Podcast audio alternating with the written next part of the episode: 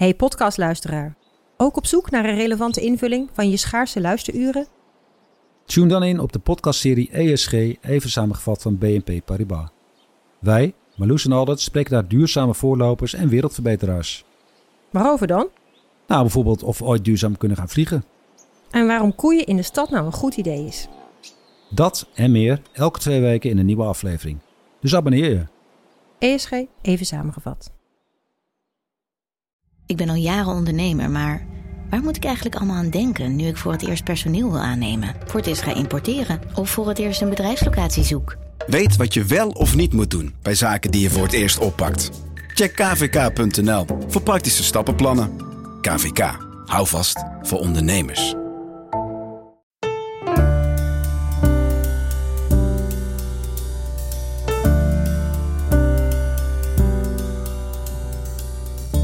Welkom bij Tussen de Regels, een podcast van NRC over boeken en schrijvers.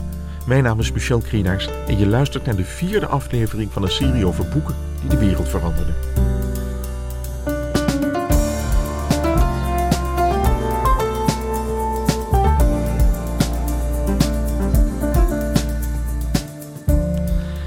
In de huidige tijd van neoliberalisme en toenemende tweedeling in de samenleving is dat kapitaal van Karl Marx actueler dan ooit.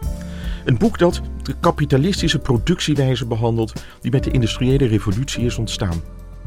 Het is uit 1867 en er zijn nog twee delen gevolgd na de dood van Marx in 1885 en 1894.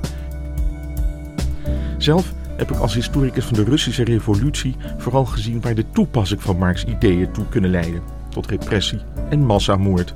Maar dat grote boek heb ik nooit zelf gelezen. En gelukkig zijn er mensen die dat wel hebben gedaan. Een van hen is mijn collega Bernard Hulsman, politicoloog van opleiding en hij heeft het zelfs twee keer gelezen. En dan hebben we in de studio Esther Mirjam Sent, hoogleraar economische theorie en economisch beleid aan de Radboud Universiteit en ook nog eens voorzitter van de PvdA. Hartelijk welkom.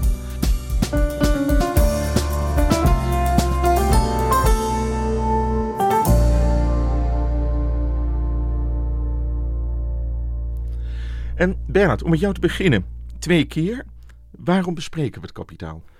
Uh, ja, omdat het toch, zoals jij al zegt, een heel belangrijk uh, boek is. Het was uh, de Bijbel voor de socialistische en later communistische beweging. het gaf daar een wetenschappelijke grondslag aan waarmee de toekomst kon worden voorspeld. Dus, en ook de, de ijzeren noodzaak van de revolutie werd daarin uitgelegd. weliswaar in heel weinig woorden, maar er was een enorme houvast voor de, voor de linkse beweging.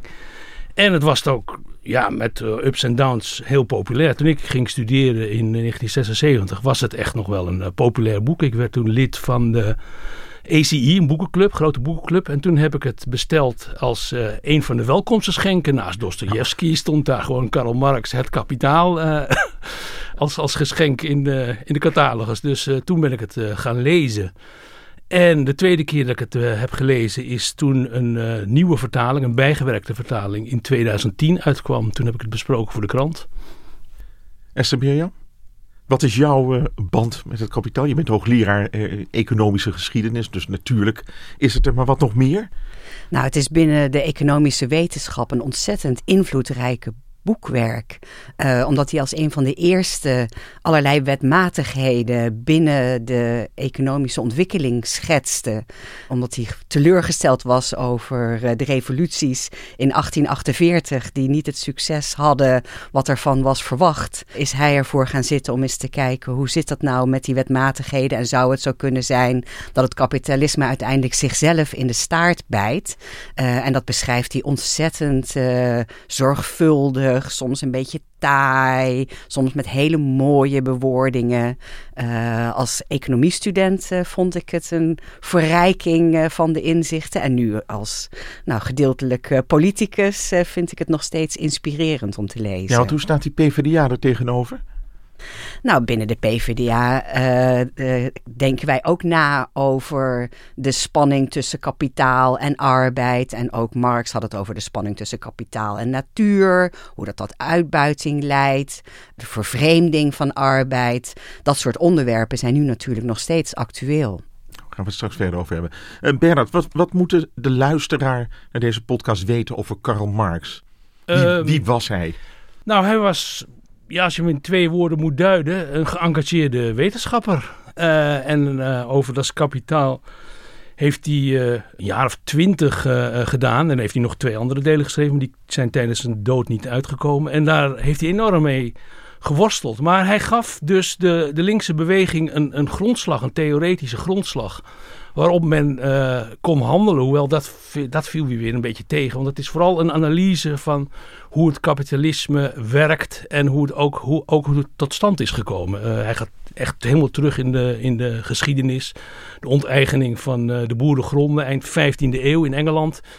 En eh, zo vertelt hij het hele verhaal over het ontstaan van het kapitalisme. En dan in een heel kort hoofdstuk aan het eind eh, eh, legt hij uit waartoe het zal leiden. En dat het vanzelf uit zichzelf in elkaar zal vallen. Omdat het, zoals Esther al zei, zich in zijn eigen staart bijt. Maar daar kunnen we het straks misschien nog over hebben. Wa- Wat ik, wat ik wel heel mooi vond aan, dat, eh, ehm, aan het kapitaal is dat hij ontzettend geëngageerd is. Hij is eigenlijk echt boos over de wantoestanden in de industrie. En hij haalt dan ook eh, eh, dominees en andere economen aan die dat allemaal goed praten. En hij eh, vindt dat afschuwelijk. Hij wil echt strijden eh, op zijn manier door wetenschappelijk werk voor eh, eh, het lot van de arbeiders. En eh, nou ja, dat is hem uiteindelijk wel gelukt. Hij eh, was betrokken bij de oprichting van de eerste internationale.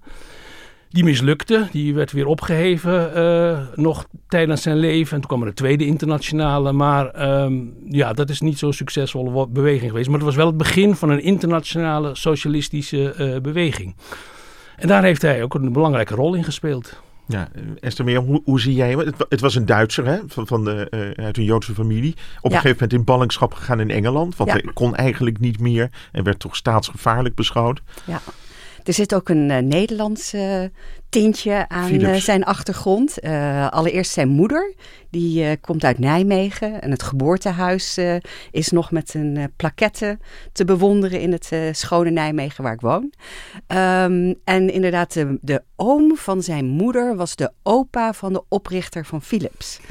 Eh, dus zo heeft hij ook nog een eh, link met datzelfde kapitalisme waar hij zo eh, goed over schrijft. En Friedrich Engels, die had ook een kapitalistische achtergrond. hè, die, fabrikant. fabrikant. Samen met Friedrich Engels heeft hij in 1848 het Communistisch Manifest geschreven. Eh, dat heeft niet het effect gehad wat hij had eh, gehoopt. Zo is hij op het Das Kapitaal gekomen om te kijken van nou, als die revoluties dan niet leiden tot het einde van het kapitalisme, is er dan misschien een wetmatigheid in het kapitalisme zelf wat ertoe leidt. Eh, hij is inderdaad nou, in ballingschap uiteindelijk in Londen beland. In veel armoede heeft hij geleefd. Uh, vier van zijn kinderen zijn uh, overleden. Zijn kleren gingen naar de Lommerd om geld binnen te halen. En toen dat kapitaal uiteindelijk uitkwam in Hamburg, wil, wilde hij met het manuscript zelf er naartoe. Uh, maar was zijn jas bij de Lommerd. Uh, dus moest hij eerst nog bij Engels uh, om geld bedelen. Heeft hij zijn jas weer terug kunnen krijgen. Een hele lastige zeereis gemaakt. Iedereen werd ziek. Maar hij hield zich dapper staande. En heeft toen zelf zijn manuscript naar de uitgever in Hamburg gebracht. Ik heb wel eens aan zijn graf in Highgate, Londen gestaan. Ja. En het viel mij toen op dat er voortdurend toch bewonderaars kwamen om bloemen te leggen. Het hele jaar door volgens mij. En op zijn graf staat arbeiders aller landen verenigt u. Ja. Uh, uit het communistisch manifest. Ja. Maar dat is pas later aan het graf uh, toegevoegd. Ja. Hoe, hoe, was die ontvangst in, in Hamburg toen het boek uitkwam? Het kon dus gewoon in Duitsland verschijnen. Het is heel mager uh, ontvangen. Het heeft jaren geduurd voordat het een beetje op een grotere lezerspubliek kon rekenen. En het is ook heel erg taai om de inzichten tot je te nemen. Dus het heeft even geduurd voordat het eindelijk het tractie kreeg, zeg ja. maar. Hij, had er zelfs ook uh, twijfels over. Hè? Want ik uh, las toevallig vanochtend nog dat hij vlak voor de verschijning van het kapitaal Engels aanried om het onbekende meesterwerk van Balzac te lezen. En dat is een boek over een schilder die ook heel lang bezig is met een schilderij. Een portret en dat tien keer over, overnieuw gaat doen. En dan laat hij het zien aan Poussin, een bekende schilder. En die zien alleen maar één groot rommeltje. Die zien een soort abstracte, expressionistische schilderij. En daar heeft hij dan tien jaar aan gewerkt. En men ziet niet wat het schilderij zo goed maakt. Omdat het zo chaotisch is, met allemaal losse vormen. Uh, en uh, dat was ook hoe hij dacht over zijn eigen boek. En die schilder in het boek, die heeft toen uiteindelijk al zijn schilderijen verbrand en heeft zelfmoord gepleegd. Maar hij, hij twijfelde zelf ook aan zijn, aan zijn boek, want het slaat allerlei paden in. En het staat vol citaten uit Goethe's Faust, Shakespeare, de, de hele wereldliteratuur, Bijbel, Virgilius, weet ik het allemaal het heeft een hele warrige uh, structuur. En het heeft niettemin toch nog wel een rode draad. Wanneer begon het aan te slaan? Pas, pas later uh, in de 20e eeuw uh, is het. Is het uh, nou, of nee, nee, sorry, in de 19e eeuw. Ik moet niet mijn eeuwen door elkaar Op halen. 1902, Frank van der Goes, Nederlandse vertaling. Ja. Het begin van de, de, de arbeidersbeweging in Ja. Nederland. Die, Ja. die komt op. Een belangrijk boek geweest. Het heeft eh, de arbeidersbeweging sterk geïnspireerd. Het heeft de opkomst van vakbonden eh, sterk geïnspireerd. Dus uiteindelijk zijn allerlei sociale en politieke bewegingen ermee aan de haal gegaan. Maar het duurde even voordat echt duidelijk werd hoe diep en hoe belangrijk de inzichten uit het boek zijn. Ja, en wanneer ging, gingen regeringen er dan mee aan de slag? Althans, voor zover die links eh, georiënteerd waren. Eh, nou, ik denk dat de regeringen er nooit mee aan, aan de slag eh, zijn gaan, behalve dan misschien eh, eh, in, in de Sovjet-Unie, Lenin. Maar Lenin had zijn eigen theorieën ontwikkeld eh, over het imperialisme en eh, hoe het moest gaan na eh, de revolutie. Want daar is hij heel vaag over, eh, Marx. Hij geeft eigenlijk geen richtlijnen voor, eh, of nauwelijks in het communi- communistisch manifest staan er een paar. Nationalisering van bepaalde industrieën. Maar ho- hoe de revolutie tot stand moet komen en wat er daarna moet gebeuren, daar is hij uiterst vaag over. En ook wat dat communisme uiteindelijk zal betekenen. Dat doet hij eh, in het kapitaal trouwens niet, maar ook geloof ik in het eh, communistisch manifest doet hij in een paar alinea's af. Dan is er eh, ja, een soort paradijs op aarde en dan kun je 's ochtends vissen en 's middags een boek lezen en nog een beetje werken. En, Dat willen we d- d- allemaal. d- Dat, dat, dat is het dan. En eh, ik denk dat er geen, dus geen regering mee eh, aan de slag is gegaan, omdat het helemaal geen richtlijnen biedt voor wat je moet doen. En eh, ehm, je- kunt je ook afvragen of hij nou wel voor, zo voor vakbondsocialisme was. Want hij voorzag toch eigenlijk dat door een soort verelend doen van het proletariaat een revolutie zou uitbreken. En juist die vakbondsactiviteiten die brachten verbetering in het lot van de arbeiders en het proletariaat en hielden de revolutie dus een beetje op afstand. Dus het is, eh, ja, het is heel ingewikkeld wat ermee gebeurd is. Esther Mirjam, eh, eh, er zijn natuurlijk toch wel dingen veranderd. Juist dankzij die vakbonden die Bernhard noemt.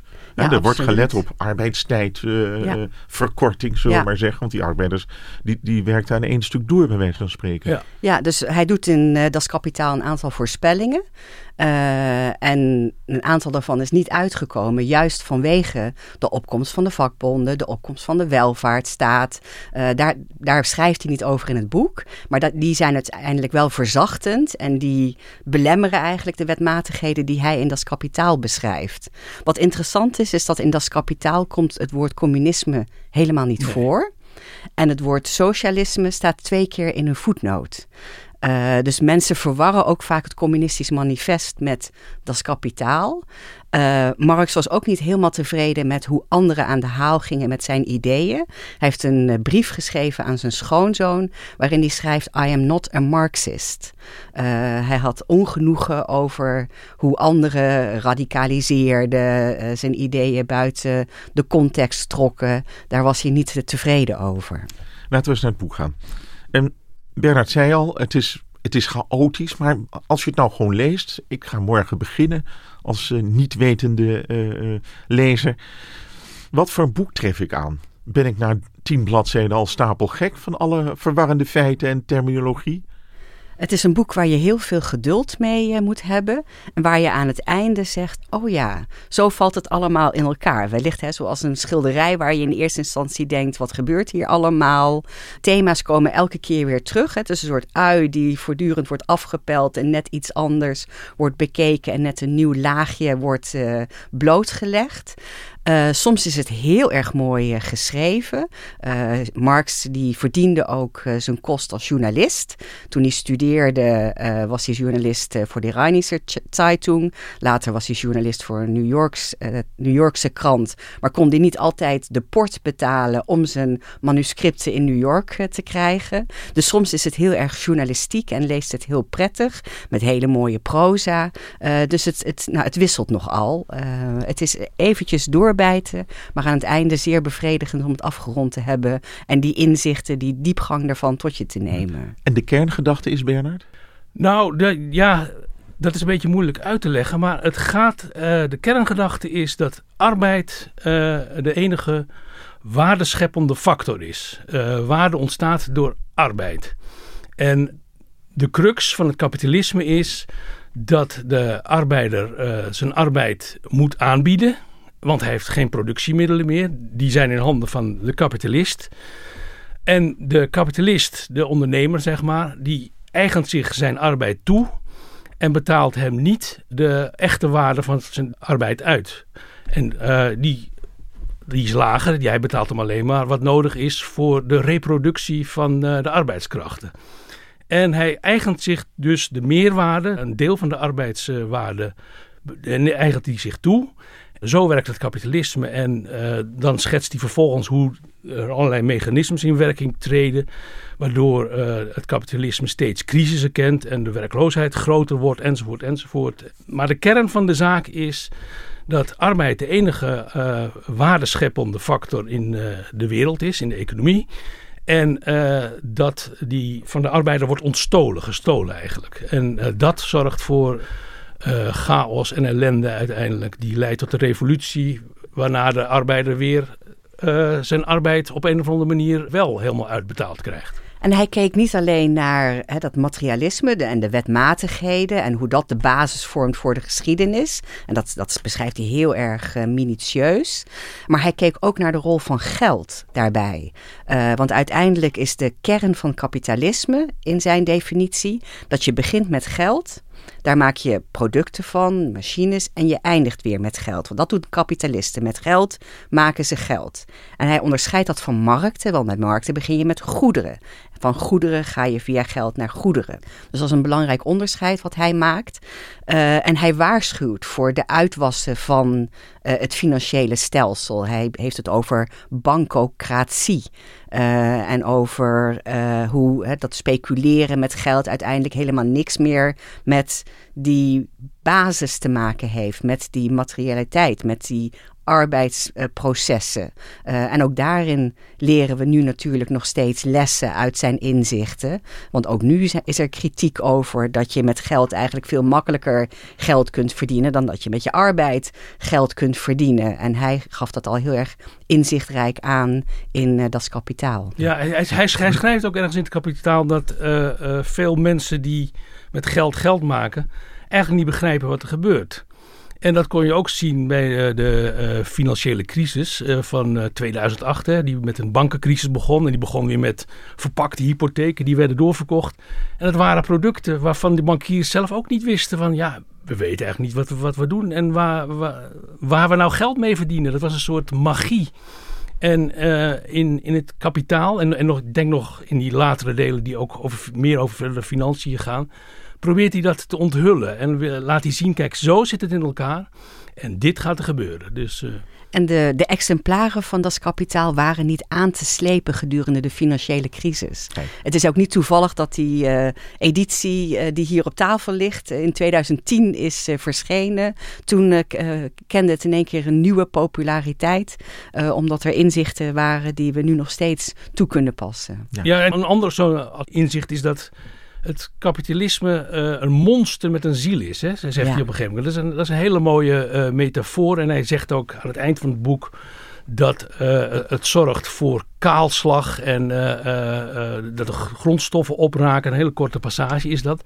Maar dat idee van een monster, een onbeheersbaar monster, dat, dat is wel een heel goed beeld. En daar worden we nu ook weer mee geconfronteerd. Hè? Bedoel, over klimaatverandering. Maar hoe is dat monster te stoppen en te veranderen in een iets duurzamere versie? En dat blijkt Nou, als ik pessimistisch ben, uh, ondoenlijk. En hij verwijt kapitalisten ook niks. Uh, want het, ze zitten gewoon in dat systeem. Dit zijn de wetmatigheden. En de kapitalisten spelen gewoon de rol die hen is toebedeeld. Dus hen valt niks te verwijten in die zin. Nou, hij heeft ook wel passa passages over kapitalisten die echt de arbeiders als bezit beschouwen en ze slecht behandelen. En dan, dan verwijt hij ze toch wel slecht, immoreel uh, gedrag hoor. Dat zijn ook wel scheldpartijen tegen de kapitalisten. Maar die zijn volkomen terecht hoor. Esther Meeram, zit er ook een echte duidelijke economische theorie in die, die jij kunt gebruiken? Of... Zeker, hij, hij staat ook op de schouders van de klassieke economen uit die tijd. Uh, die dachten dat uh, de bron van waarde is arbeid. Uh, alleen voorgangers van hem, Malthus, Ricardo, Smith, uh, die waren nogal optimistisch uh, erover. Hij is daar veel uh, pessimistischer over, over uiteindelijk de uitkomst ervan. Hij verzette zich tegen de toen opkomende marginalisten. Die hadden het over dat de bron van waarde is de prijs en die wordt door vraag en aanbod bepaald. Uh, zijn belangrijke bijdrage is inderdaad, uh, zoals net geschetst, hè, de uitbuiting van arbeid. Het feit dat de ruilwaarde en de gebruikswaarde van elkaar uh, verschillen. en hoe dat uiteindelijk tot concentratie van productiemiddelen leidt. hoe er een groot reserveleger aan arbeiders ontstaat. Omdat die kapitalisten voortdurend de anderen beter af willen zijn. Dat doe je door de arbeidsproductiviteit te vergroten. dat doe je door meer machines uh, aan te schaffen, door te innoveren. Maar dan heb je minder arbeid nodig, terwijl die arbeid juist die bron is van winst voor de kapitalisten. Dus zo uiteindelijk uh, ontstaat er een paradox, bijt het kapitalisme zich in de eigen staart. Um, wat Marx voor het eerst bracht aan economische inzichten waren dat er uh, cycli zijn. Dat zien we later ook terug bij economen. En wat hij ook inbracht, wat nieuw is en wat later bij John Maynard Keynes verder is uitgewerkt, is dat je die arbeiders ook wel weer nodig hebt om de producten aan te schaffen. Dus als je een heel groot uh, arbeidsleger hebt wat niet werkt, uh, omdat ze door kapitaal zijn vervangen, door machines zijn vervangen, dan kunnen die producten niet worden afgezet, omdat er niemand is om, daar, uh, om die te kopen. Nou, John Maynard Keynes heeft dat precies in de jaren dertig verder uitgewerkt. En dan kom je bij koopkracht terecht en noem maar precies. op, alles wat, waar het tegenwoordig in het debat over gaat. Ja, ja en Henry Ford die zijn arbeiders meer ging betalen. Ja. Die dacht, kunnen ze ook die auto's kopen, dus ja. Ja. En dan hebben we natuurlijk nog dat, die beroemde term het historisch materialisme. Ja. Ja, dat, dat, dat, dat, dat is meer een filosofisch uh, idee. Hè. Hij uh, was zeer goed thuis in Hegel. En er wordt wel over Marx gezegd dat hij Hegel op zijn kop heeft uh, gezet. Want Hegel heeft het heel vaag over een reden die zich ontvouwt in de wereld. Een soort geest, een soort wereldgeest. En uh, dat zou dan zijn einde vinden in uh, de Pruisische staat, geloof ik. Maar dat is, een, dat is een heel vaag idee. En hij keert dat om. Hij zegt: nee, het is niet een soort.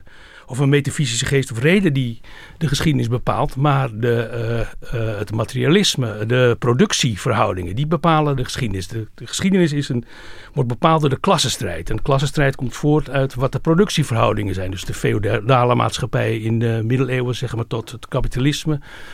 Dat is de motor van de geschiedenis. De klassenstrijd en de productieverhoudingen. Hij gaat voort op uh, Feuerbach.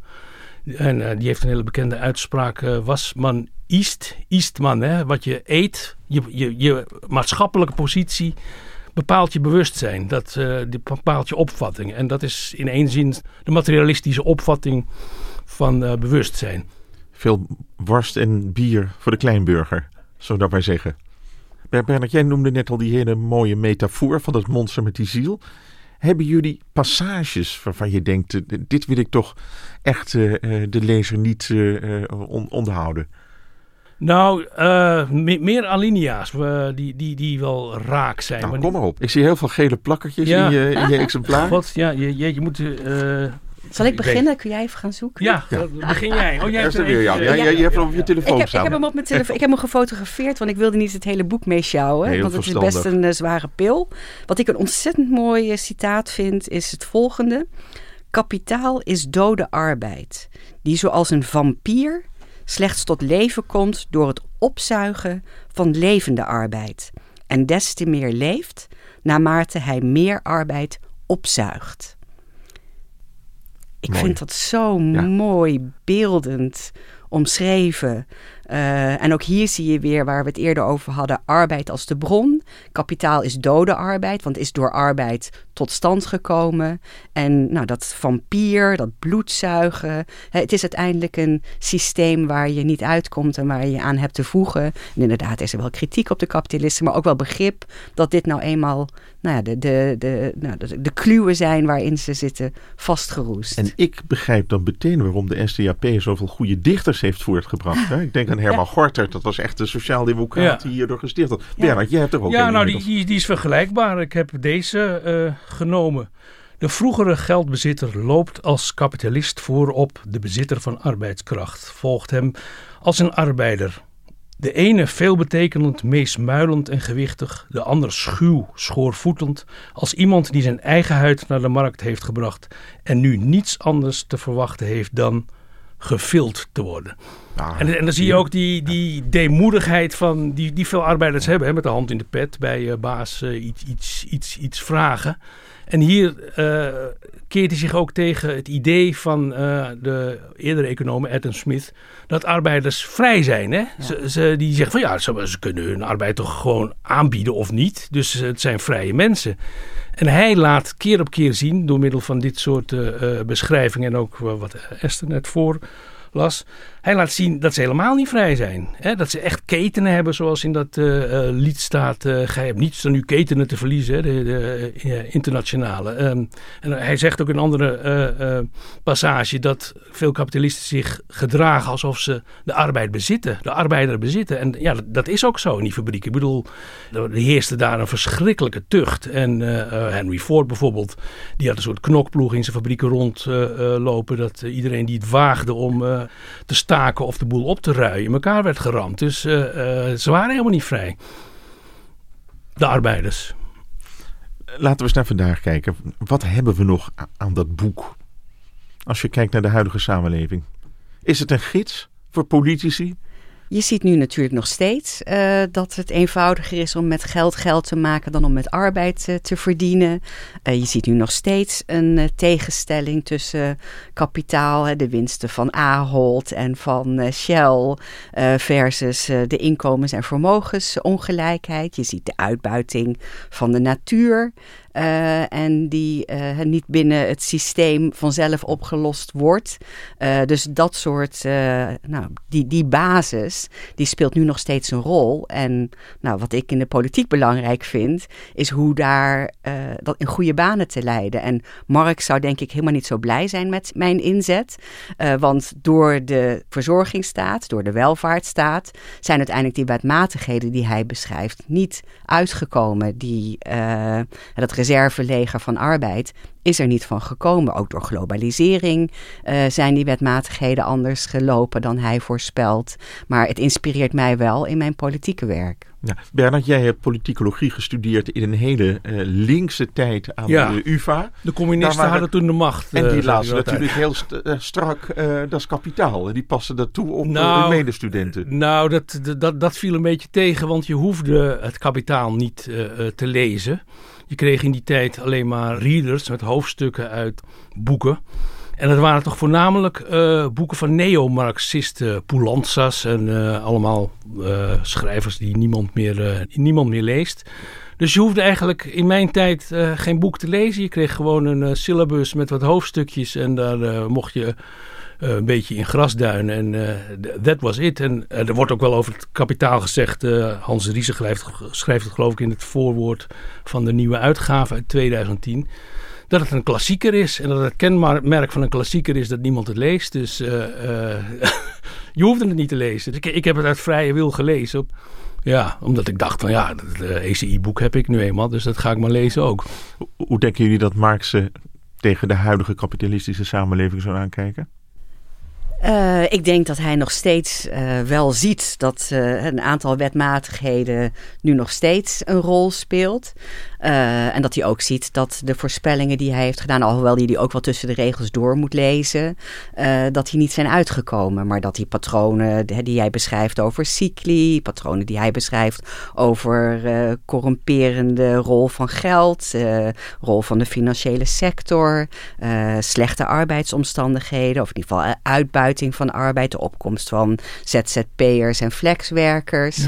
Ja. ik denk dat hij daar nog wel nou, herkenning vindt in wat hij in zijn boek heeft beschreven. Ja. Nou ja, waar, waar het ook misgaat met Marx' analyse is dat hij, uh, vind ik, onderschat uh, uh, hoe inventief en inno in innovatief het kapitalisme is. Het, is. het is toch een beetje een statische beschrijving van het kapitalisme, um, gebaseerd op toch vooral de textielindustrie. En dan doet hij alsof dat het daarbij blijft. Uh, maar hij heeft geen oog voor de enorme innoverende kracht van het kapitalisme. Dat er steeds nieuwe machines worden uitgevonden, steeds nieuwe bedrijfstakken. Uh, neem nu maar de IT-business die de laatste 30, 40 jaar is ontstaan. Ja, dat had hij niet voorzien. Met hele nieuwe machines die, die hij ook niet kon voorzien. Maar het kapitalisme heeft een enorme kracht om steeds weer opnieuw te beginnen en steeds weer te groeien ehm, op basis van nieuwe technieken en uitvindingen. Maar waar hij dan wel weer gelijk in heeft gehad, dat het al snel leidt tot de concentratie van kapitaal, zoals hij dat noemt. Want je ziet dat die uh, IT-business wordt beheerst door een paar grote bedrijven. Hè? Dus uh, we hebben een paar uh, Googles, Facebook en, en nog wat. Maar die hebben het heft in handen. En er is geen concurrentie meer tussen die uh, bedrijven. Ja, wel op, op een uh, hoog, hoge schaal. Maar het is niet zo dat er een echte markt is dat je naar een andere leverancier kunt gaan. Dus die concentratie van kapitaal, zoals hij voorspelt, doet zich steeds wel weer voor. Dus daar, daar heeft hij wel steeds gelijk in gekregen. Maar hij heeft niet kunnen inzien dat er, uh, Schumpeter noemde het geloof ik, uh, creatieve destructie. Hij heeft het alleen maar over de destructie. Maar hij uh, ziet niet in dat uit die destructie ook weer een heleboel nieuwe creatieve bedrijfstakken tevoorschijn zijn gekomen. Helder. Tot slot, hoe heeft het kapitaal de wereld veranderd? Esther Mirjam. Het kapitaal heeft enorm veel invloed gehad op uh, sociale en politieke bewegingen. En het heeft mijn vakgebied uh, enorm uh, geïnspireerd met zo'n diepe analyse, met zulke bijzondere wetmatigheden, die vervolgens weer door John Maynard Keynes, Joan Robinson, Thomas Piketty met zijn boek uh, ja. Het Kapitaal in de 21ste eeuw. Heeft ook uh, overeenkomsten met Das Kapitaal van Marx. Uh, dus nog steeds inspireert het ook mijn collega's om de wereld te begrijpen en ook te kijken hoe die een beetje beter kunnen maken. Bernard? nou, dat vind ik heel mooi gezegd. Hè. Je hebt die beroemde uitspraak van Marx over filosofen. Dat de wereld verklaren, maar dat het erop aankomt om de wereld te, uh, te veranderen. En uh, dat, ja, dat zou ik wel een mooie inspiratie vinden voor economen. Ja, waar nog steeds nog wel het neoliberale gedachtegoed overheerst hoor. Ik, ik geloof dat er wel iets dankzij Piketty aan het kantelen is, maar tot tien jaar geleden ja, wat was het allemaal de markt moeten doen en de markt zal voor het heil zorgen. En je kunt zien dat dat niet zo is. En uh, dat kun je al bij Marx zien, maar dat kun je uh, nu ook weer uh, vaststellen na de financiële crisis. En nu met de grote klimaatcrisis. Het, het gaat niet vanzelf. En de markt gaat het niet doen. En ik hoop dat het kapitaal economen inzicht biedt om ook de wereld te proberen te veranderen. En niet alleen maar achterover te leunen en te zeggen, die markt doet het wel. Helder en duidelijk dank voor jullie komst naar de studio. En het zou mooi zijn als we nu de internationale op de achtergrond zouden horen. ik zing mee, ik zing mee. Ja, jij moet het nog zingen hè, op de, bij de Partij van de Arbeid, ja, toch?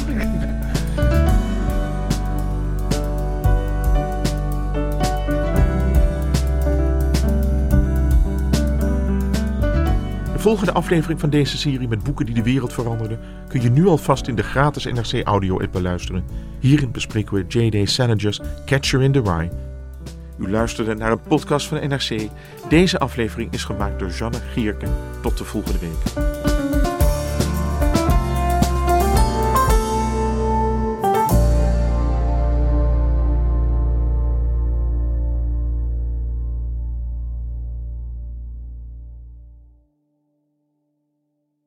Technologie lijkt tegenwoordig het antwoord op iedere uitdaging. Bij PwC zien we dit anders. Als we de potentie van technologie willen benutten, kunnen we niet zonder een menselijk perspectief. Human-led, tech-powered noemen we dat. Ga naar pwc.nl.